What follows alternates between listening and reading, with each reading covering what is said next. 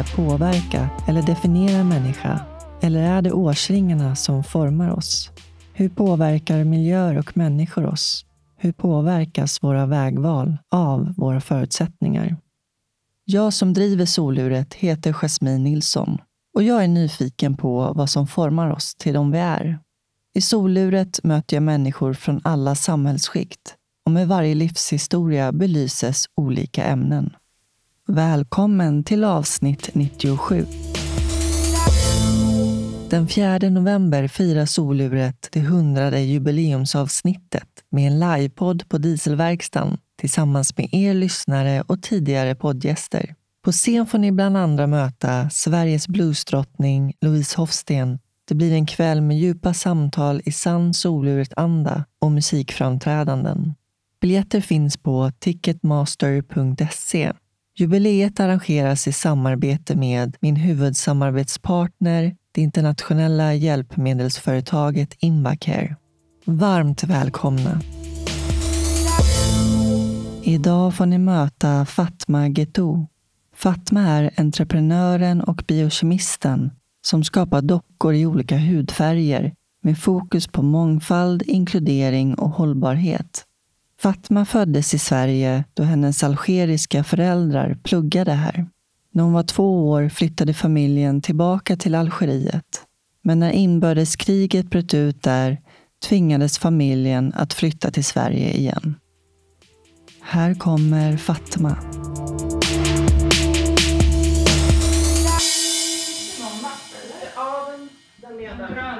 Det finns en rosa napp också någonstans. Så då. Bra, Då tack drar för vi. Har ni allt? Ja, vi har allt. Ja, bra. Ha det så mysigt. Skål. Skål! Skönt att kunna dricka en varm kopp kaffe Eller hur? och ha så här, sällskap av en vuxen, sitta och prata.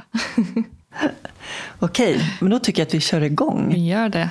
Spännande. Nu har jag fått komma hem till dig, Fatma, här Ja. i Solna. Ja, välkommen. Tack så jättemycket. Kul att träffa dina jättefina barn, trevliga man. Ja, de tyckte nog det var lika spännande att träffa Ja. er också. Och så dagen till ära visar det sig att Mm. din dotter heter också Jasmin. Ja. Och vi har namnsdag idag. Ja, men stort grattis till er. Jag, jag var så glad att du påminde mig. Vi är inte vana att ha namnsdag någon av oss. Nej. Så det var ju en rolig överraskning att Jasmin hade namnsdag Precis. just idag. Vi får göra det till tradition och köpa en liten godbit. Det är här som du har din verksamhet också. Precis. Batutu Arts. Exakt. Jag läste att det betyder barn på swahili. Precis. Det var ju där det började när jag var hos eh, min syster i Nairobi när jag var föräldraledig med Sami. Eh, och så började jag fundera så här. Jag är lite rastlös av mig. Jag ville hitta på något projekt under min föräldraledighet. Och tyckte att swahili var så spännande språk. Jag pratar ju också arabiska. Och sen så försökte jag liksom, ja, men lära mig lite swahili. Och så tänkte jag men det var ett coolt ord. Watuta, ja, men det får bli någonting. Någon verksamhet runt barn som är gynnsamt för barn. Jag fick upp ögonen för dig när jag såg en intervju och eh, vart så himla glad och kände att det här behövs verkligen. Ja. För det ni skapar det är ju dockor med fokus på inkludering Mm. och mångfald och hållbarhet. Precis. Och det började väl med att eh, du ville köpa dockor till dina barn? Ja.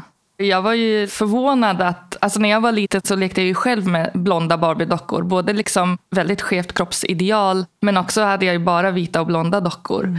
Och det var ju 30 år sedan. Och så har inte jag tänkt så mycket på det sedan dess under min vuxna tid. Men när jag fick barn så går man ju tillbaka till det där, att leta leksaker och så tänker man efter, så här, vad är det för bild som jag ska ge till, för mina barn och vad är det för uppväxt jag vill liksom ge dem. Och just det här att de ska känna sig inkluderade är väldigt viktigt för mig.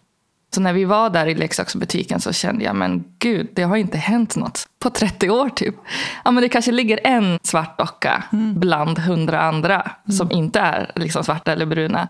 Och då tänkte jag, men det här måste jag ju göra någonting åt. Och så var det liksom så. Det ena ledde till det andra. Jag har alltid gillat att vara så här, hantverk, kreativitet, skapa själv. Och, eh, så det passade ju bra ihop att jag hittade ett problem som jag ville lösa Ja, på egen hand under min föräldraledighet. Så det var så det började. Ja, ungefär två och ett halvt år sedan. Ja, men precis. För då var det under Samis föräldraledighet. Sen började jag jobba 100% efter det. Så var det inte så mycket. Det var liksom mer så här på helger och kvällar och så. Och nu är jag föräldraledig igen så har vi dragit igång det igen. Så det är superkul. Ja. För du jobbar, du är biokemist, Ja, det? jag har disputerat inom biokemi och jobbar som forskare. nu. Så att det är en helt annan värld kan man säga. Ja, men verkligen. Vad forskar du kring? Det är mycket kring cancer och olika sjukdomar. Många olika projekt. Där man försöker hitta liksom ett, ett läkemedel i slutändan är ju målet. Mm. Ja, det är ju verkligen en folksjukdom. Ja, men precis. Och det tar väldigt lång tid och det är mycket jobb bakom. Hur kom du in på det? Att det blev cancer som du specialiserade dig på? Ja, men det var, började ju med mitt naturvetenskapsintresse. Det har jag alltid haft sen jag, liksom, sen jag var barn. Alltid var intresserad av djur, natur, växter. Var nyfiken på hur saker funkade.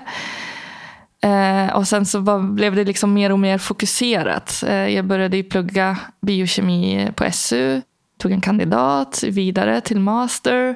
Eh, kände det här var det jag ville. Jag ville forska mer. Jag ville liksom specialisera mig mer. Lära mig mer. Eh, så doktorerade jag. Det var en fantastisk tid. Fem år med ett så här eget forskningsprojekt. Eh, fick jätte, liksom, ännu mer så här intresse. Det här vill jag fortsätta med. Samtidigt som de här tankarna om det här, vem är jag och vem är mitt jobb och allt det här existentiella var, började liksom växa i bakgrunden. Men det, var, det har varit ett intresse sedan jag var barn. Eh, så att det är ju, har någonting som har följt mig. När jag var barn så hängde jag mycket i bibliotek. Och eh, plöjde i mig naturvetenskapsböcker om allt möjligt. Ville lära mig allt. Ville förstå hur saker funkar in i minsta detalj, in i minsta atom. Just cancer var också det som var, det är ju den största nöten som vi måste knäcka. Det är en, liksom, en stor hälsofråga som många, många jobbar med över hela världen. Och eh, jag var där, i, forskade i Karolinska och det var i den forskningsgruppen där de höll på med cancer. Eh, så det var ju det ena ledde till det andra så var jag ju liksom där och höll på med de frågorna. Eh, och bidrog med liksom det till stacken av cancerforskningsresultat. Ja, det var där jag gjorde mitt, min PhD-projekt. Och sen så var det därifrån jag fortsatte. Det har ju hänt mycket och det går ju framåt. Och det är bra att det är många som forskar inom det för att det tar ju tid och krävs mycket tid och energi och pengar. Och det finns ju så många olika cancersorter. Vissa som man kan bota och vissa som man kommer att kunna bota i framtiden. Som det forskas mycket på just nu. Så det händer ju mycket. Det är ett spännande fält forskningsmässigt. Ja, men jag blev så fascinerad av dig med tanke på din bakgrund och vad du gör. Och, så man är ju verkligen nyfiken på din resa fram Ja. tills idag. Du föddes i Sverige. Ja, i Uppsala. Mina föräldrar var studenter där i universitetet. Du föddes den 30 maj 86. Precis. Stämmer det? Det stämmer. Min pappa pluggade och sen så gifte de sig och fick både mig och min syrra. Så att, eh, ja, två år var vi här innan vi flyttade tillbaka sen till Algeriet. Det är där du har ditt ursprung. Precis, båda mina föräldrar är från Algeriet. Kan du berätta om de första åren i Algeriet? Ja, alltså jag, vi flyttade ju tillbaka när jag var två. Men jag tror jag minns ju inte då. Men jag minns ju lite senare. Eh, när jag kanske var fem eller något sånt. Har jag minnen från, liksom, man lekte med kompisar och man liksom hade en stor familj och många kusiner och mycket gemenskap och liksom hela den biten. Men sen på 90-talet började ju inbördeskriget där, så då är det ju inte så roliga minnen längre. Eh, mycket så här rädsla, orolighet och eh, ja, en helt annan värld kan man säga än vad det mina föräldrar hade tänkt sig när vi flyttade tillbaka. De ville liksom bo där och eh, leva livet där. Eh, men sen var det ju tyvärr inte så. Så det var ju ja, mycket bombningar, skjutningar, folk som försvann, folk som dog, folk, alltså mycket oroligheter kring mina föräldrars jobb och liksom hot och ja, ja, allt möjligt som har med krig att göra. Och så var man själv barn under den tiden. Det var ju både jag och min syster och min lillebror också. Så att jag tror det gick så pass långt så att till slut så fick ju mina föräldrar ta ett beslut att ja, flytta tillbaka till Sverige då. Svårt beslut. Ja, lämna alla. Men det minns jag när vi gick liksom runt och sa hej då till alla. Man visste ju liksom inte när man skulle ses igen eller om man skulle ses igen och så. Flytta till ett nytt land. Då kunde, mina föräldrar kunde ju svenska men vi, jag var ju nio år så då hade jag, jag hade ju börjat i skolan i Algeriet och så. Då var det ju arabiska och franska som gällde. Men kom man hit då kunde man ju inte språket, så då var man ju exkluderad liksom på det sättet. Men det kom ju ganska snabbt, för vi var ju barn och så var det så sommarlov som man lekte med barn och så, så lärde vi oss svenska ganska snabbt. Vi mm. hade ju mina föräldrar också som kunde svenska, så det är lite, man kan säga lite annorlunda flyktingvariant. Eh, för att mm. våra föräldrar Alltså eftersom de bodde i Uppsala innan så kunde mm. de ju hjälpa oss lite. Så här, ja, men gå till de barnen så kan ni säga, får jag vara med? Oh, så ja, man, det var en, en bra liksom, barndom då. Mm. Eh, vi bodde i Västerås och växte upp där. Vilka olika världar. Enorm kontrast. Enorm kontrast. Min mamma jobbade som läkare i Algeriet. Mm. Och det var en av orsakerna också till att vi flyttade till Sverige. För det var ett stort hot mot läkarna eh, under inbördeskrigen. Antingen så blev de hotade eller så kunde de bli plockade för att eh, jobba som läkare för terroristerna. Eh, så att eh, det hände ju mycket runt hennes vänner. Och man hörde mycket om just läkarna. Så att eh, det var en av anledningarna. Och, särskilt att vara kvinna. Och kvinna dessutom, precis. Mm. Så när vi kom till Sverige så började hon ju plugga upp igen. Och då var det inte så att man kunde liksom, jag vet inte hur det är nu, men då fick hon ju plugga från scratch. Alltså börja om igen. Att det inte räcker med att man bara ja. lär sig språket och... Ja, exakt. Då var det att vi bodde i Västerås, tre små barn och pendlade till Uppsala. Det är ingen kort utbildning direkt. Eh, nej, och det var ju tufft. Alltså, det var ju inte lätt för henne. Men ja, det är det som, sådana här saker som man märker att när man liksom flyttar, att vissa saker kanske inte det nya landet förstår riktigt. Att man har en berikad kunskap som man skulle kunna ta vara på för landet och invånarnas egen skull. Att man, det här är liksom en en bra grej som man skulle kunna underlätta. Men då är det så här att ibland är det, blir det för fyrkantigt. Mm. Att du måste gå igenom våran, vårat regelverk för att passa in i vår mm. värld. Det du har med dig från ditt land räknas inte alls överhuvudtaget. Liksom. Mm. Det finns inte. Så det, det tycker jag är jättesynd att, att det är på det sättet. Mm. Man skulle kunna ta vara på så mycket. Folk hinner ju förlora sin passion, sin energi för att de måste gå igenom allt igen. Ja, det krävs eh, fastän man redan har mycket med sig. Det krävs mycket drivkraft. Ja, men verkligen. Att göra det. Precis. Vi gick i skolan och så min pappa jobbade som CNC-operatör eh, inom så industrin, alltså Volvo-fabrik. Bodde i liksom ett eh, betonglägenhetshus i, i Västerås. gick i skolan och så. så att, eh, vi bodde liksom i ett, som ett slags miljonprogramsområde så det var ju väldigt stor mångfald där. Härligt. Så på det sättet så passade vi in kan man säga. Det var ju folk från hela världen och man lärde sig liksom var, fraser på varandras språk. och det var liksom Leken var inkluderande, alla fick vara med. Och det var, jag tror tack vare det att vi bodde på ett sånt område så man kände sig inte så främmande. Mm. Jag har fortfarande vänner från många olika länder. Och det gör ju att man det här mötet är så viktigt. Och speciellt att ha det här mötet som barn gör ju att det normaliseras. Att vi liksom, man har olika maträtter, man firar på olika sätt, man pratar olika språk och man lär sig det redan som barn och har med sig. Det är en, liksom, en värdefull grej att ha med sig mm. tycker jag.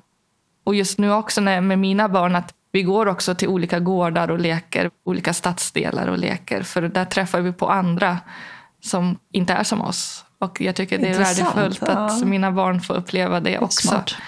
Uh, ja, så jag tycker att det, det, är en viktig sak att ha med sig. För att är man i sin lilla bubbla så blir allt annat så främmande. Och ju äldre man blir, mm. desto mer främmande avstånd blir det mellan vi och dem. Och så. Ja, jag förstår precis vad du menar.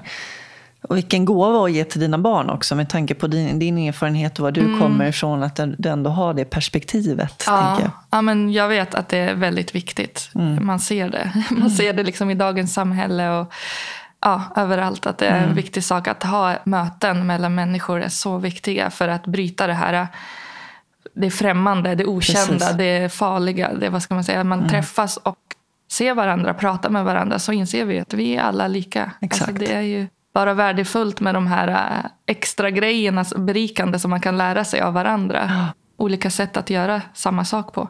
Det är som du säger, det är det som många gånger skapar rädslor och eh, mm. osäkerhet Osäker. hos människor. När man inte, som du säger, man isolerar sig från ja. olika grupper och så. Ja. Och så kanske man inte träffas förrän på en arbetsplats som vuxen. Mm. då är det kanske, jag tycker det är lättare som barn att ha med sig. Det blir så enkelt när man är barn och leker med massa andra barn och lär sig därifrån hela vägen upp till vuxenlivet. Ja, jag, jag växte upp med att flytta runt ganska mycket. Mm. Än en gång då att barn är så anpassbara, att man liksom fick lära sig anpassa sig och Mm. bo i olika områden och träffa nya kompisar och hela den där biten. Men att det har verkligen format mig på många sätt och gjort det lättare för mig idag att möta människor Ja. på ett helt annat sätt. Ja, och att förändring inte är så eh, kanske Negativt, liksom. negativt eller? Man, är, man blir mer flexibel. Man blir en bra problemlösare. Ja, men verkligen. Och den bästa platsen jag bodde på, det var ju när vi bodde i studentområdet Lappkörsberget. Lappis som man säger. Ah, Okej, jag bodde på Kungshamra. Jaha. Pluggade på SU, så Lappis var ju liksom en Ja. del av... Jag hade många Härligt. kompisar där. älskade att bo där just för Ja. att det var så mångkulturellt. Ja, men verkligen. man hade kompisar från alla möjliga Ja. kulturer. Fantastisk mångfald. Och det är så man önskar egentligen att det skulle vara överallt. Exakt, eller hur? Att man inte isolerar en folkgrupp utan att alla ska vara Mm. med varandra och lära sig från varandra. Det optimala. Eh, förlåt, våran katt öppnar kylskåpet själv när han Är är, det hungrig. Så att han är en roligt. bus. Jag måste bara stänga och sätta någonting för. Gud vad coolt. Ja, men det här går att, man måste alltid komma ihåg att lägga någonting för kylskåpet så att Simba inte busar. Jättevacker. Vad är det för ras? Han är en huskatt kallas det för att vi har ingen stamtavla på honom. Jaha. Men han ser ut som en, många säger att han ser ut som en norsk skogskatt. Eh, Otroligt vacker. ja. Ja, alltså jag försöker tänka mig in i liksom hur man... Man är ju ändå ganska medveten där eh, kring nioårsåldern. Jag tänker Ja. i och med att det var krig, hur man som barn upplever det. Liksom. Ja, man, dels så hör man ju bombningarna och skjutningarna. Och man märker ju av på vuxnas orolighet. Så även om de liksom försöker att kanske inte prata allting framför oss så märker man ju av rädslan. Man märker ju av liksom försiktigheten. Man märker av att man inte kan vara ute på kvällar. Man måste hem tidigt. Det var ju också utegångsförbud. Man märker av att se militär och maskerad militär. Jätteläskigt. Alltså som barn att se såna här helmaskerade militärer på gatorna. Man märker ju av typ om man är hemma hos folk och sen så stänger de fönstren och börjar kika mellan bara för att se vad det är som händer där ute. Man hör eh, kompisars föräldrar, släktingar försvinna eller dö. Eller man vet vad som händer. Så det, var ju, det var ju vår vardag då. Men på något sätt så finns ju leken där fortfarande. Eh, det är liksom, man var ju barn, så man, man levde runt det där hela tiden. Det, fan, det var en del av ens vardag. På något sätt så, ja, man måste liksom fortsätta ha roligt också. Så att vi hade ju våra kusiner, tack och lov. Och det var ju liksom, livet fortsatte på något absurt sätt. Konstigt sätt, men det fortsatte ändå för oss. Ja, men det är ju så. Barn är ju så otroligt bra på att anpassa sig Ja, men det är väl i alla det. lägen. Precis. Ja. Och sen var det dags att anpassa sig igen då, då i ett nytt land och Ja, ett helt nytt liv. Och, helt nytt liv. Ja, men inte känna någon som barn. Alltså bara börja om. Liksom, inga kusiner längre. kompisar. Alla kompisar, all familj och mor och farföräldrar. Hela den biten var ju borta. Eh, men återigen, uh, anpassa sig. Göra det bästa av situationen. Och hitta nya, liksom, nya vänner. Det är nog svårare för de vuxna tror jag än för barnen. Eh, nu när jag själv är vuxen och tänker liksom. Eh, så att, eh, men vi hittade liksom lösningar. Och sen så småningom så började vi åka tillbaka till Algeriet på semester. På den tiden kunde man ju inte bara ringa ett videosamtal. Nej. Eh, Man fick ju köpa sådana här telefonkort som man laddade med pengar. Just det, Och det var jättedyrt, hur? Mm. jättedyrt och minuterna tickade och man skulle hinna liksom få någonting sagt. Och hela familjen, alla vi liksom passade telefonen mellan varandra. Och sen så bara kunde det bara klick, nu var det slut på kortet. Eh, och så man såg ju inte varandra på, på det sättet. Nej. Ibland skickade vi brev. Men så småningom liksom med internet och allting så kunde vi börja ringa mer fritt och Mm. kunna prata. I början var ju de tvungna att gå till såna internetcafé. Man Mm. hade oftast inte det hemma. Men eh, det blev ju bättre och bättre. Men samtidigt så har man ju förlorat den tiden. Mm. Alltså den här eh, barndomstiden då man kunde ha varit nära. Det blev en helt annan förhållande när man är långt ifrån varandra. Man kan prata men det är inte samma grej som när man ses ofta och ses på riktigt. Men du var nio år, du började i skolan. Ja, med- jag började i trean. Jag hade ju gått fyran, skulle börja femman där, började ju lite tidigare i skolan. Eh, dels att jag började tidigare, men också att det var mer avancerat. Eh, liksom kärnämnena främst. Jag hade typ kommit upp till ekvationer i matten och vi hade gjort så mycket. Och sen så kom jag hit och det kändes som så här, okej, okay, det var liksom lite annan nivå. Lite så här, men jag kände ändå att det var bra att jag kunde massor för att det kunde ju kompensera mina, liksom, det språkliga just då. Men då, det var ju till min fördel för då kunde jag känna så här, men det här kan, fastän jag inte förstår språket 100% så fattar jag siffrorna. Mm, jag fattar det. som står så jag kan ju lösa problemen liksom, på ja. mitt sätt. Det var också roligt för att man hade olika sätt att lösa, kommer jag ihåg. Så här, så här gjorde vi i Algeriet för att lösa. Vi har inte liggande stolen, vi har stående stolen. Alltså man gör lite annorlunda fast man kommer fram till samma svar. Så det var ju roligt att jämföra och se hur man gör i olika länder. Men det är intressant också för det är ju ett språk då som man kan mötas i på ja, vis. Ja, Matematik precis. och sådär. Ja. är liksom... ja, och just matte är ju så roligt för det är ju liksom ändå det är siffrorna som talar. Ja, men precis. Och det, vi använder samma siffror. Mm. Så det var liksom enkelt för mig att mm. komma igång med det. Sen fick vi ju också extra svenska lektioner. Vi var ett gäng barn då, som var med henne, så fick vi extra support där. Men vi kom igång ganska snabbt. Det var en rolig tid. Ja, vad härligt att du känner så jag kände så här, när man kommer till ett nytt land, man har ingen nätverk. Man har ingen så här, äh, kompisar, farbröder som kan hjälpa in. Alltså du vet, man skulle ha ett sommarjobb, då fick man ju gå till kommunen och söka och fick så här, rensa ogräs någonstans. Alltså det var, man fick ju börja från scratch. Och min strategi var att okej, okay, eftersom jag inte har någon liksom så, som kan hjälpa mig, då måste jag satsa på skolan, satsa på betygen. Vad hade du för eh, drömmar som barn? Ja, Ja, men det var mycket, alltså när jag var barn så var jag väldigt kreativ. Jag kunde sitta i timmar och, och teckna eller måla. Bara ligga så på magen och hålla på med papper och pennor och så. Så det var mycket så kreativt. Jag älskade att vara på bibliotek och låna böcker och lära mig om så naturvetenskap och konst. Så det var ju, alltså, jag drömde ju om att ja, men hålla på med någonting kreativt. Men också samtidigt någonting som gynnar folk, som hjälper folk. Men det är typ det jag gör nu. Alltså, forskningen är där och det kreativa är där. Jag hade ingen så här, men jag, ville, jag älskade djur också. Det var mycket så här inne på så här veterinär och sånt också. Men det är liksom de, jag känner att det är ungefär de områdena som jag är vid nu. Alltså något som har med naturvetenskap och något som har med konst och mm. skapande glädje att göra. Mm. Uh, så att ja, jag rör mig runt där. och sen så gick det liksom den vägen Alltså hela vägen till att jag disputerade, till att jag gjorde en postdoc, till att jag flyttade till Tyskland och forskade där. Men sen så kom jag till en... Det blev nästan så att det här att vara den duktiga flickan och den här prestera, det blev som nästan min identitet. Jag kunde inte skilja mellan jobb och mig själv. Och det här rädslan att misslyckas blev så pass stor också. För att det var som, är det jag eller är det mitt jobb? Vem är vem?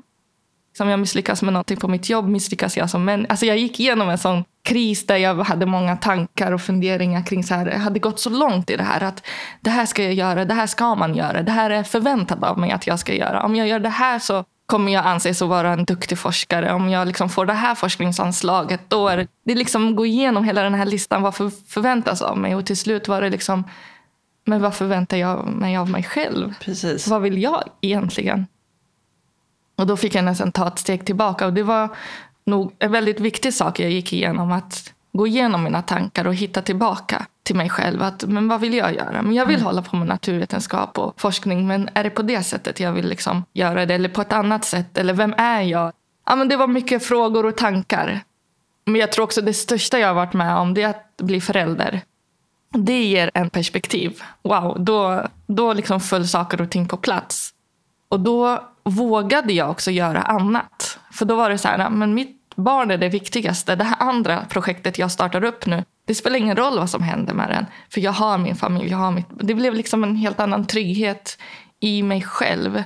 Förut var jag väldigt eh, vad ska man säga, rädd att misslyckas vad gäller så här yrke och eh, studier och så. Att det skulle alltid vara bäst, bäst, bäst. Men nu har jag fått lite mer perspektiv på det. Man måste prestera ja. ännu bättre Exakt. än alla andra. Dels som så. kvinna och dels med din bakgrund ja. och allt det där. Att man liksom ja. måste verkligen visa vad man går för. Exakt. Um. Man skulle alltid vara snäppet över. Mm. Alltid snäppet över. Och det gick ju bra till en, till en viss gräns, vilket var också en bra grej. Att jag verkligen hamnade där. Att jag fick alla de här tankarna. att Vad är det jag vill göra? Gör jag det här för mig själv eller gör jag det här att jag alltid ska vara snäppet över? Är det för någon annan jag gör det? Och spelar det någon roll? Liksom? För i slutändan så kommer jag ju fram till att det är ju egentligen, man måste tillåta sig misslyckas för att lära sig.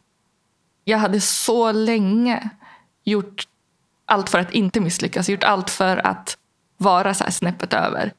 Men till slut så kom jag fram till att man måste tillåta sig att misslyckas. Det är inte hela världen och det är där man lär sig. Det är där det finns så mycket lärdomar. Och att misslyckas med ett projekt eller någonting är inte att misslyckas som människa eller som person.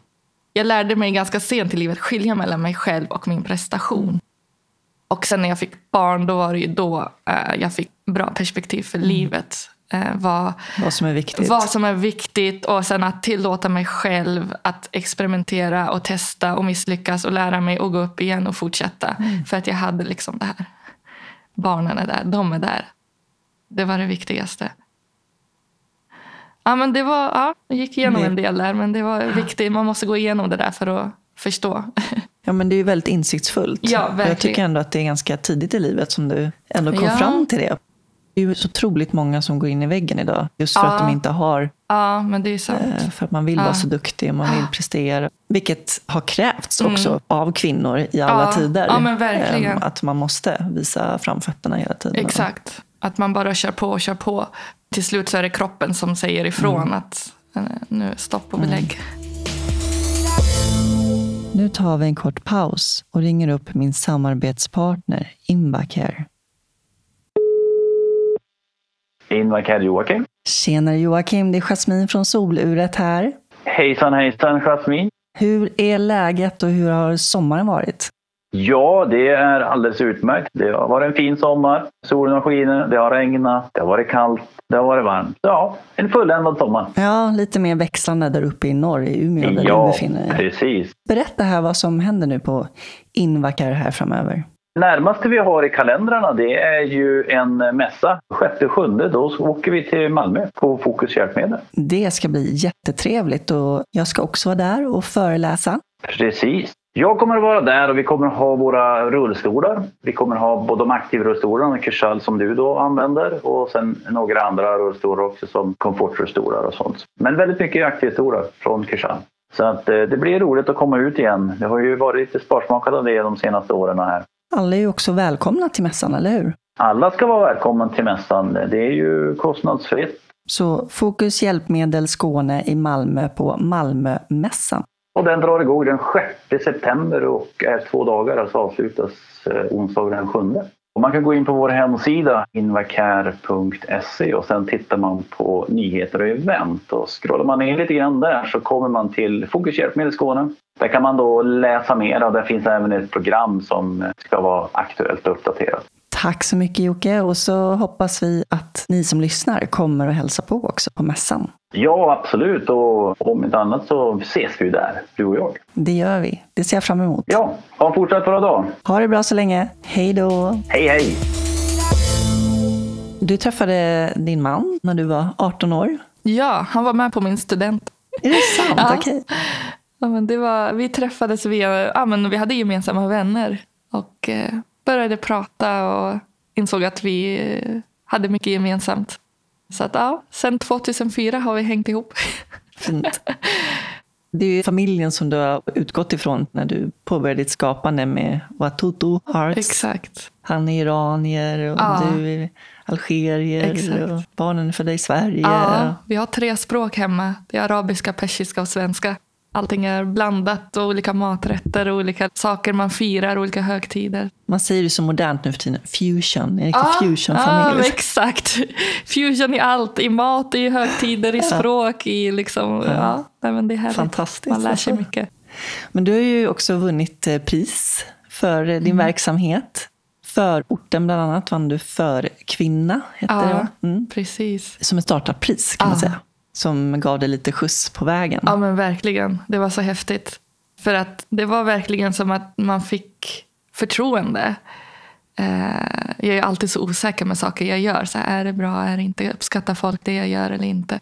Men just det där var verkligen som en så klapp på axeln. Att men bra, det här kan vara någonting. Och just att vi fick den supporten har ju varit superviktigt. Mm. Efter det så har vi börjat tänka så här, ja, men hur gör vi det här på ett bra sätt? Hur ska vi göra strategiskt bra? Ja, men hur ska vi växa? Hur ska vi? Det var verkligen en bra sak som vi var med om där. Det var ja, men det är bekräftelse super. tänker jag. Det är den bekräftelsen vi fick. Ja, verkligen. Och supporten och nätverket därifrån också, mm. som vi inte hade haft tidigare. Så att, eh, jag är glad att jag den här dagen hittade den här annonsen på nätet någonstans. Och bara, men jag skickar in en ansökan. Mm. Jag hade aldrig gjort det innan, men jag testar. Who knows? Och så ena ledde till det andra, så stod vi där vid finalen. Så helt overkligt. Häftigt. ja, Det var superhäftigt. Och jag ser här också när vi sitter här vid ditt matbord att du har diplomet där från Reach for Change också. Ja, vi är med i deras eh, inkubatorprogram där de supporterar eh, samhällsentreprenörer som gör någonting för barn. Eh, så den är jag också superglad över att vi mm. kom in där. Mm. Ytterligare ett nätverk och en support som kan hjälpa oss framåt. Så det är superviktigt för att innan dess har jag ju försökt göra allting själv och det går ju inte. Till en mm. viss gräns går det ju men sen måste man ta hjälp. Få hjälp och support och allt det här, att bolla idéer. Och man behöver inte återuppfinna hjulet själv hela tiden. Det blir svårt i slutändan. Mm. Speciellt med små barn och allt det där ja. runt omkring. Och så är vi där igen också när man vill väldigt mycket. Ja, men precis. Hur kul det än må vara så ja. finns det ju en gräns. Exakt. Som jag alltså, försöker liksom att det här är ett projekt som ger mig energi, där jag finner värde i det jag gör. Där jag kan sitta på kvällen istället för att kolla på tv så sitter jag och pysslar med det här. Men det ska inte vara så pass att det ska ta tid från mina barn eller från min familj. Eh, och därför är det så bra att vi har liksom, de här personerna runt oss som kan hjälpa oss och eh, försöka jobba liksom på ett mer smart sätt. Mm. Ja, men det förstår jag verkligen. Det är nödvändigt. Men eh, kan du berätta lite mer om, om verksamheten? Och du har ju ett konto på Instagram som heter ja. Watutu Arts. Precis. Det var ju från det här att vi inte hittade oss själva som dockformat. Men sen så inser man ju att det är ju många andra som inte hittar sig själva som dockformat. Så börjar jag göra såna här lookalike dockfamiljer en familj är ju unik. Det är inte så här mamma, pappa, barn alltid. Och det är inte samma hudfärg alltid. Det är inte samma utseende. Så då började det göra så att man kunde beställa sin familj i dockformat. Hur man nu än såg ut. Eller vilken familjekonstellation man hade. Och det var också väldigt uppskattat att barnen kunde ha den här familjen i dockformat som kunde se ut som dem. Och ha med sig det till exempel till förskolan som underlättar inskolningen. Eller kunna visa till sina vänner hur deras familj ser ut. Sen var det ju det här med funktionsvariationer också. Att barn hittade inte dockor som såg ut som dem. Så då hörde oftast mammorna av sig och berättade att men det här och det här. Och så kunde jag skapa en docka som ser ut som barnet. Och så har vi liksom det här med olika hudfärger. Ja, men mamma kanske har hijab, alltså sjal. Det finns inga dockor som har det. Kanske barn vill ha en docka som ser ut som sin mamma. Så det är allt det här runt omkring att det är så viktigt för barn att känna igen sig. Men både liksom att ett barn som är svart ska leka med en svart docka för att kunna vara huvudperson i sin lek. Men ja, också precis. viktigt för ett vitt barn att leka med en svart docka för att knyta an till en docka som har en annan hudfärg och normalisera det. Eh, så det är bra för alla. Så det var tanken. Och sen är det också att vi försöker också jobba hållbart. Att vi har en kort produktionskedja. Allting är tillverkat i Sverige. Vi försöker inkludera kvinnor från förorterna i det vi skapar. Och vi använder resttyger till att göra accessoarer. Så att vi försöker dels skapa sysselsättning, vara hållbara och miljövänliga och göra någonting bra för barnen. Mm. Och det är där jag känner att det vi gör har ett värde för många. Och eh, det får mig att fortsätta med det jag gör. För jag känner att det här är, det är bra det vi gör. Vi får fina mejl och fina meddelanden från eh, supportrar och följare och kunder och så. Och få höra fantastiska historier hur dockorna har använts och eh, vad barnen tycker och vad barnen har sagt. Och så så att det ger mig mycket glädje och energi. Mm, härligt. Och jag har förstått att din man också kompletterar ja. bra i verksamheten. Ja, men han är med. Han har, Ni har sen... liksom era olika roller. ja, men verkligen. Först var det mitt lilla hobbyprojekt ja. under föräldraledigheten. Men har det vuxit liksom organiskt och som sagt, man måste liksom få hjälp. Eh, han tycker att det här är superkul han också. Han är så grafisk designer. Han, har mycket så här, han kan det här med färg och form och skapa harmoni där. Mm. Och, eh, vi har ju våra olika kompetensområden kan man säga. Så att han gör det som jag är mindre bra på och jag gör det som han är mindre bra på och kompletterar varandra eh, jättebra där. Så att sen vi vann den här tävlingen så har han ju hoppat in och varit med mm. eh, och hjälpt till. Och hans syster hjälper till också. Hon är ekonom så hon hjälper till med allt som har med siffror och ekonomin att göra, Perfekt. bokföring och allt det där. Det tråkiga. Så det, är liksom, det har blivit ett litet familjeföretag Ja, kan man säga. Att, verkligen. eh, vi har liksom hittat kompetenser runt oss som kan lyfta oss. Mm. Eh, och det är viktigt så att var och en kan få göra det de är bra på, det de gillar. Precis. Men samtidigt ha insyn i varandras världar och kunna vara nära varandra och sitta ihop. Bra förutsättningar. Ja, Jag läste i en intervju med dig att du nämnde ett dockexperiment som hade gjorts av psykologer i USA. Som jag reagerade på. Och bara, Är det sant? Ja. Alltså? Kan du berätta om, om det? Ja, men det, var, det gjordes på 40-talet. Där barn fick, både vita och svarta barn var med i det experimentet. Och så hade man vita och svarta dockor. Och så frågade man barn, ja, men vilken docka vill du leka med? Vilken docka är fin? Vilken docka är snäll? Och då visade det sig om och om igen att de svarta barnen, fastän de vet om att de är svarta och de vet om att de har en svart och en vit docka framför sig, så väljer de den vita dockan som fin eller snäll eller den dockan de vill leka med.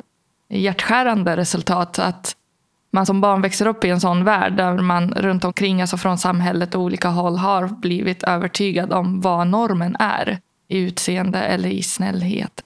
Än idag när det här upprepas så ger det samma resultat. Och det är den världen våra barn växer upp i. Fruktansvärt. Eh, Så att eh, vi försöker dra liksom ett litet strå till stacken. Att förbättra det där och normalisera olika utseenden. I leken ska alla vara med. Det är så viktigt att ha med sig det eh, in i vuxen ålder. Det var några år sedan nu som eh, den första rullstolen kom till en eh, Barbiedocka. Ja, precis. Det var inte så länge sedan. Och man tänker så här, varför har det tagit så lång tid? Att Folk har ju suttit i rullstol mycket längre än så. Och alla de barnen som inte har kunnat känna igen sig eller kunnat vara huvudpersonen i sin lek. Exakt. Det påverkar nog. Det handlar ju om att kunna identifiera sig. Ja. Så var det ju i Algeriet där jag växte upp. Det är ändå ett land i Nordafrika.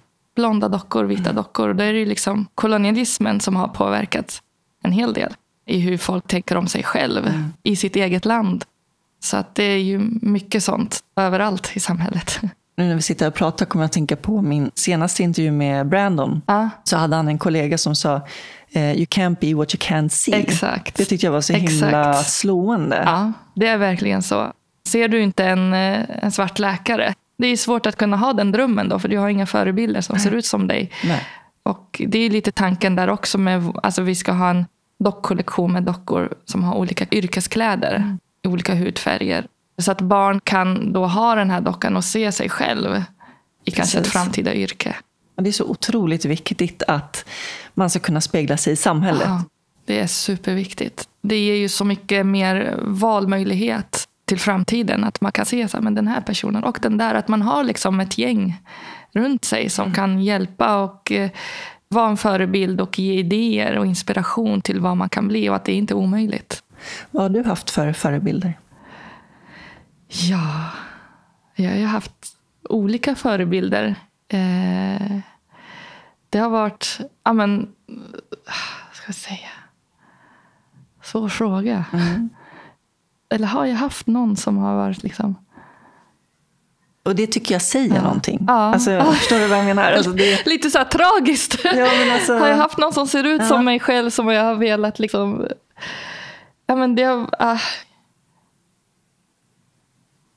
ja, men hela min barndom var bara så här, jobba hårt, jobba hårt, var bäst och jobba hårt och kör på. För att bli någonting sen. För att ha alla dörrar öppna för att kunna välja själv sen. Vuxit upp med föräldrar som har fått oss att förstå att det är viktigt att plugga. Och viktigt att satsa och viktigt att jobba hårt för det man tror på. Det här med utbildning var väldigt viktigt hemma hos oss. Eh, Det var alltid så här, ja, men läxorna ska göras och det ska pluggas inför prov och det ska vara bra betyg. De har liksom, det var vår väg in i upp, liksom, att få ett bra jobb. och få liksom, Det var så här, ja, men vi måste plugga, vi måste visa framfötterna på det sättet. Ja. Idag då, i liksom vuxen ålder, har du någon förebild idag? Ja, men jag har många förebilder. Jag, jag är sån här, så kanske, det kanske är mitt sätt att vara på. Att jag försöker ta lite från alla. Jag har inte så här en wow-person. Utan jag tittar liksom mer brett. Och så här, ja, men den här personen gjorde det där bra. Det var inspirerande. Och den där gjorde det där bra. Och den där. Alltså jag läser om olika personer eller folk som har gjort bra saker. Så inspireras jag av många olika. Eh, kanske det som är. Att jag har inte liksom en. Utan jag försöker ta det bästa från många. Mm. och låta liksom ha ett, här, ett öppet sinne för olika typer av personer och eh, personligheter. Det kanske är det. Kanske jag har lite så här, inte det tankesättet att ha en idol. Nej, jag förstår verkligen. Hur ska vi göra för att slå hål på det här nu då? Hur ska ah. vi liksom få världen att fatta ah. hur viktigt det är med ah. Inkludering och mångfald? Och... Jag tycker det är viktigt det här med att gå ihop. Alltså jag kan sitta här och, och sy mina dockor själv. Det kanske inte ger samma genomslag än ifall vi alla som känner som vi känner går ihop och, och lyfter varandra. Som du hittade mig nu, hörde mm. av dig till mig. Alltså att vi hittar varandra, har det här mötet, pratar med varandra, lyfter varandra, hör varandras historier. Och vi måste gå ihop som en större grupp. Då får man ju mer genomslagskraft, man har mer muskler då. Så kan ju var och en av oss sitta i sitt hörn och jobba, men vi kommer ju aldrig vara lika stora som majoritetssamhället. Det är det tror jag Och det är det jag vill kraften. ju att uh, Watuto Art ska bli mainstream. Ja, men det vill jag med. Alla måste hjälpas åt att sprida gospeln. Det är samma med din podd. För där Tack. har du ju massa viktiga personer som vi måste lyssna på. Att alla får höra de här livshistorierna, livsödena och antingen känna igen sig själv eller få en inblick i någon annans värld. Ja. Det är där det är så viktigt det här. Mm. Att få ett bättre samhälle förhoppningsvis till slut. Att folk lär sig från varandra och hör varandras mm. historier och har tid till det. Engagera sig och visa intresse, vara mm. öppen. Mm. Allt det kommer med att man möts och hör varandras historier. Mm. Man får perspektiv. Man får ett perspektiv, exakt. Otroligt viktigt. Komma ut från sin bubbla. Ja, verkligen. Jag tänkte komma till eh, mina stora filosofiska frågor. Ja, spännande. Vad innebär det för dig att vara människa? För mig att vara människa och vara här är att göra någonting gott för andra och för varandra. Skulle alla göra det så skulle det vara en fin värld. I alla fall göra någonting värdefullt med sin tid här. Känna att man kanske hjälper en människa. Göra någonting som någon annan kan bli glad över. Och det gör du verkligen. Jag hoppas det. Ja, det tycker jag. Tror du på ett liv efter detta? Ja, men det tror jag nog. Att det, är, det finns en mening med allt det här. Allt vi är med om. När känner du dig fri? Jag känner mig fri när jag är med mina barn och min familj och vi gör någonting roligt ihop. Och alla är på bra humör. och man känner att wow, det här är min familj. Wow, det här är mina barn. Jag har skapat dem.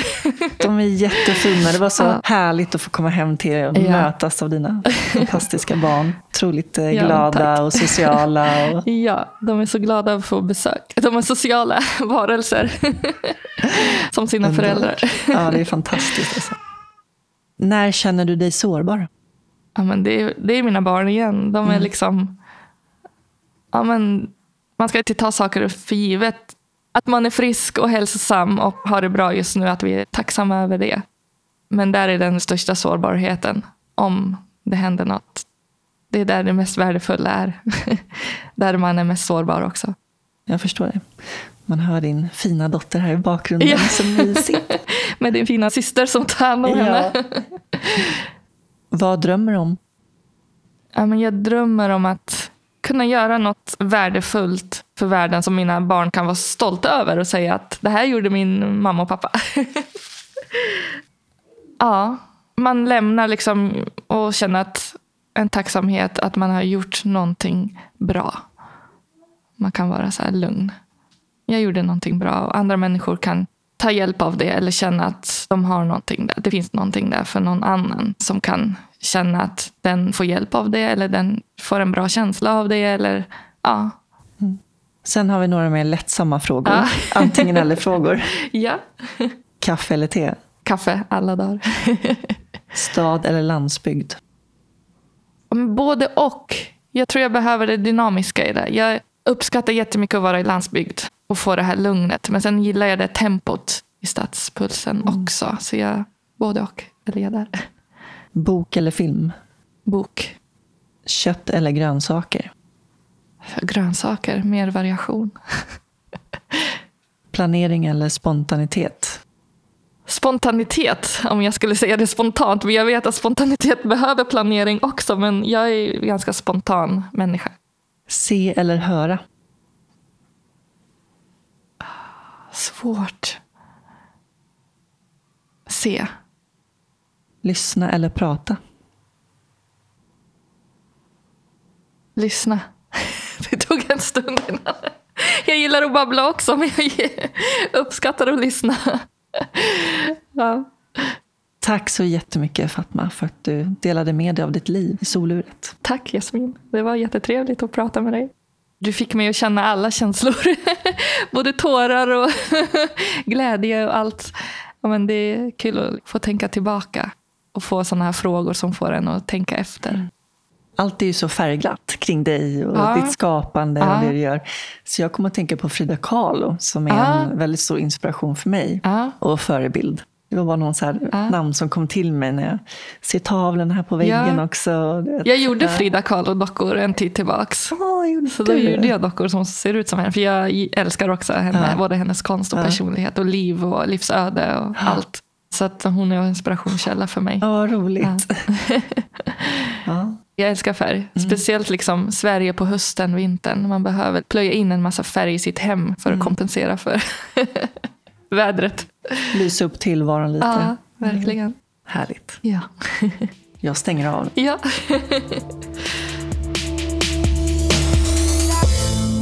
Ni hittar Fatmas dockor på watutoarts.com och ni kan följa henne på Instagram där hon heter watuto underscore arts. Tack till min huvudsamarbetspartner Invacare.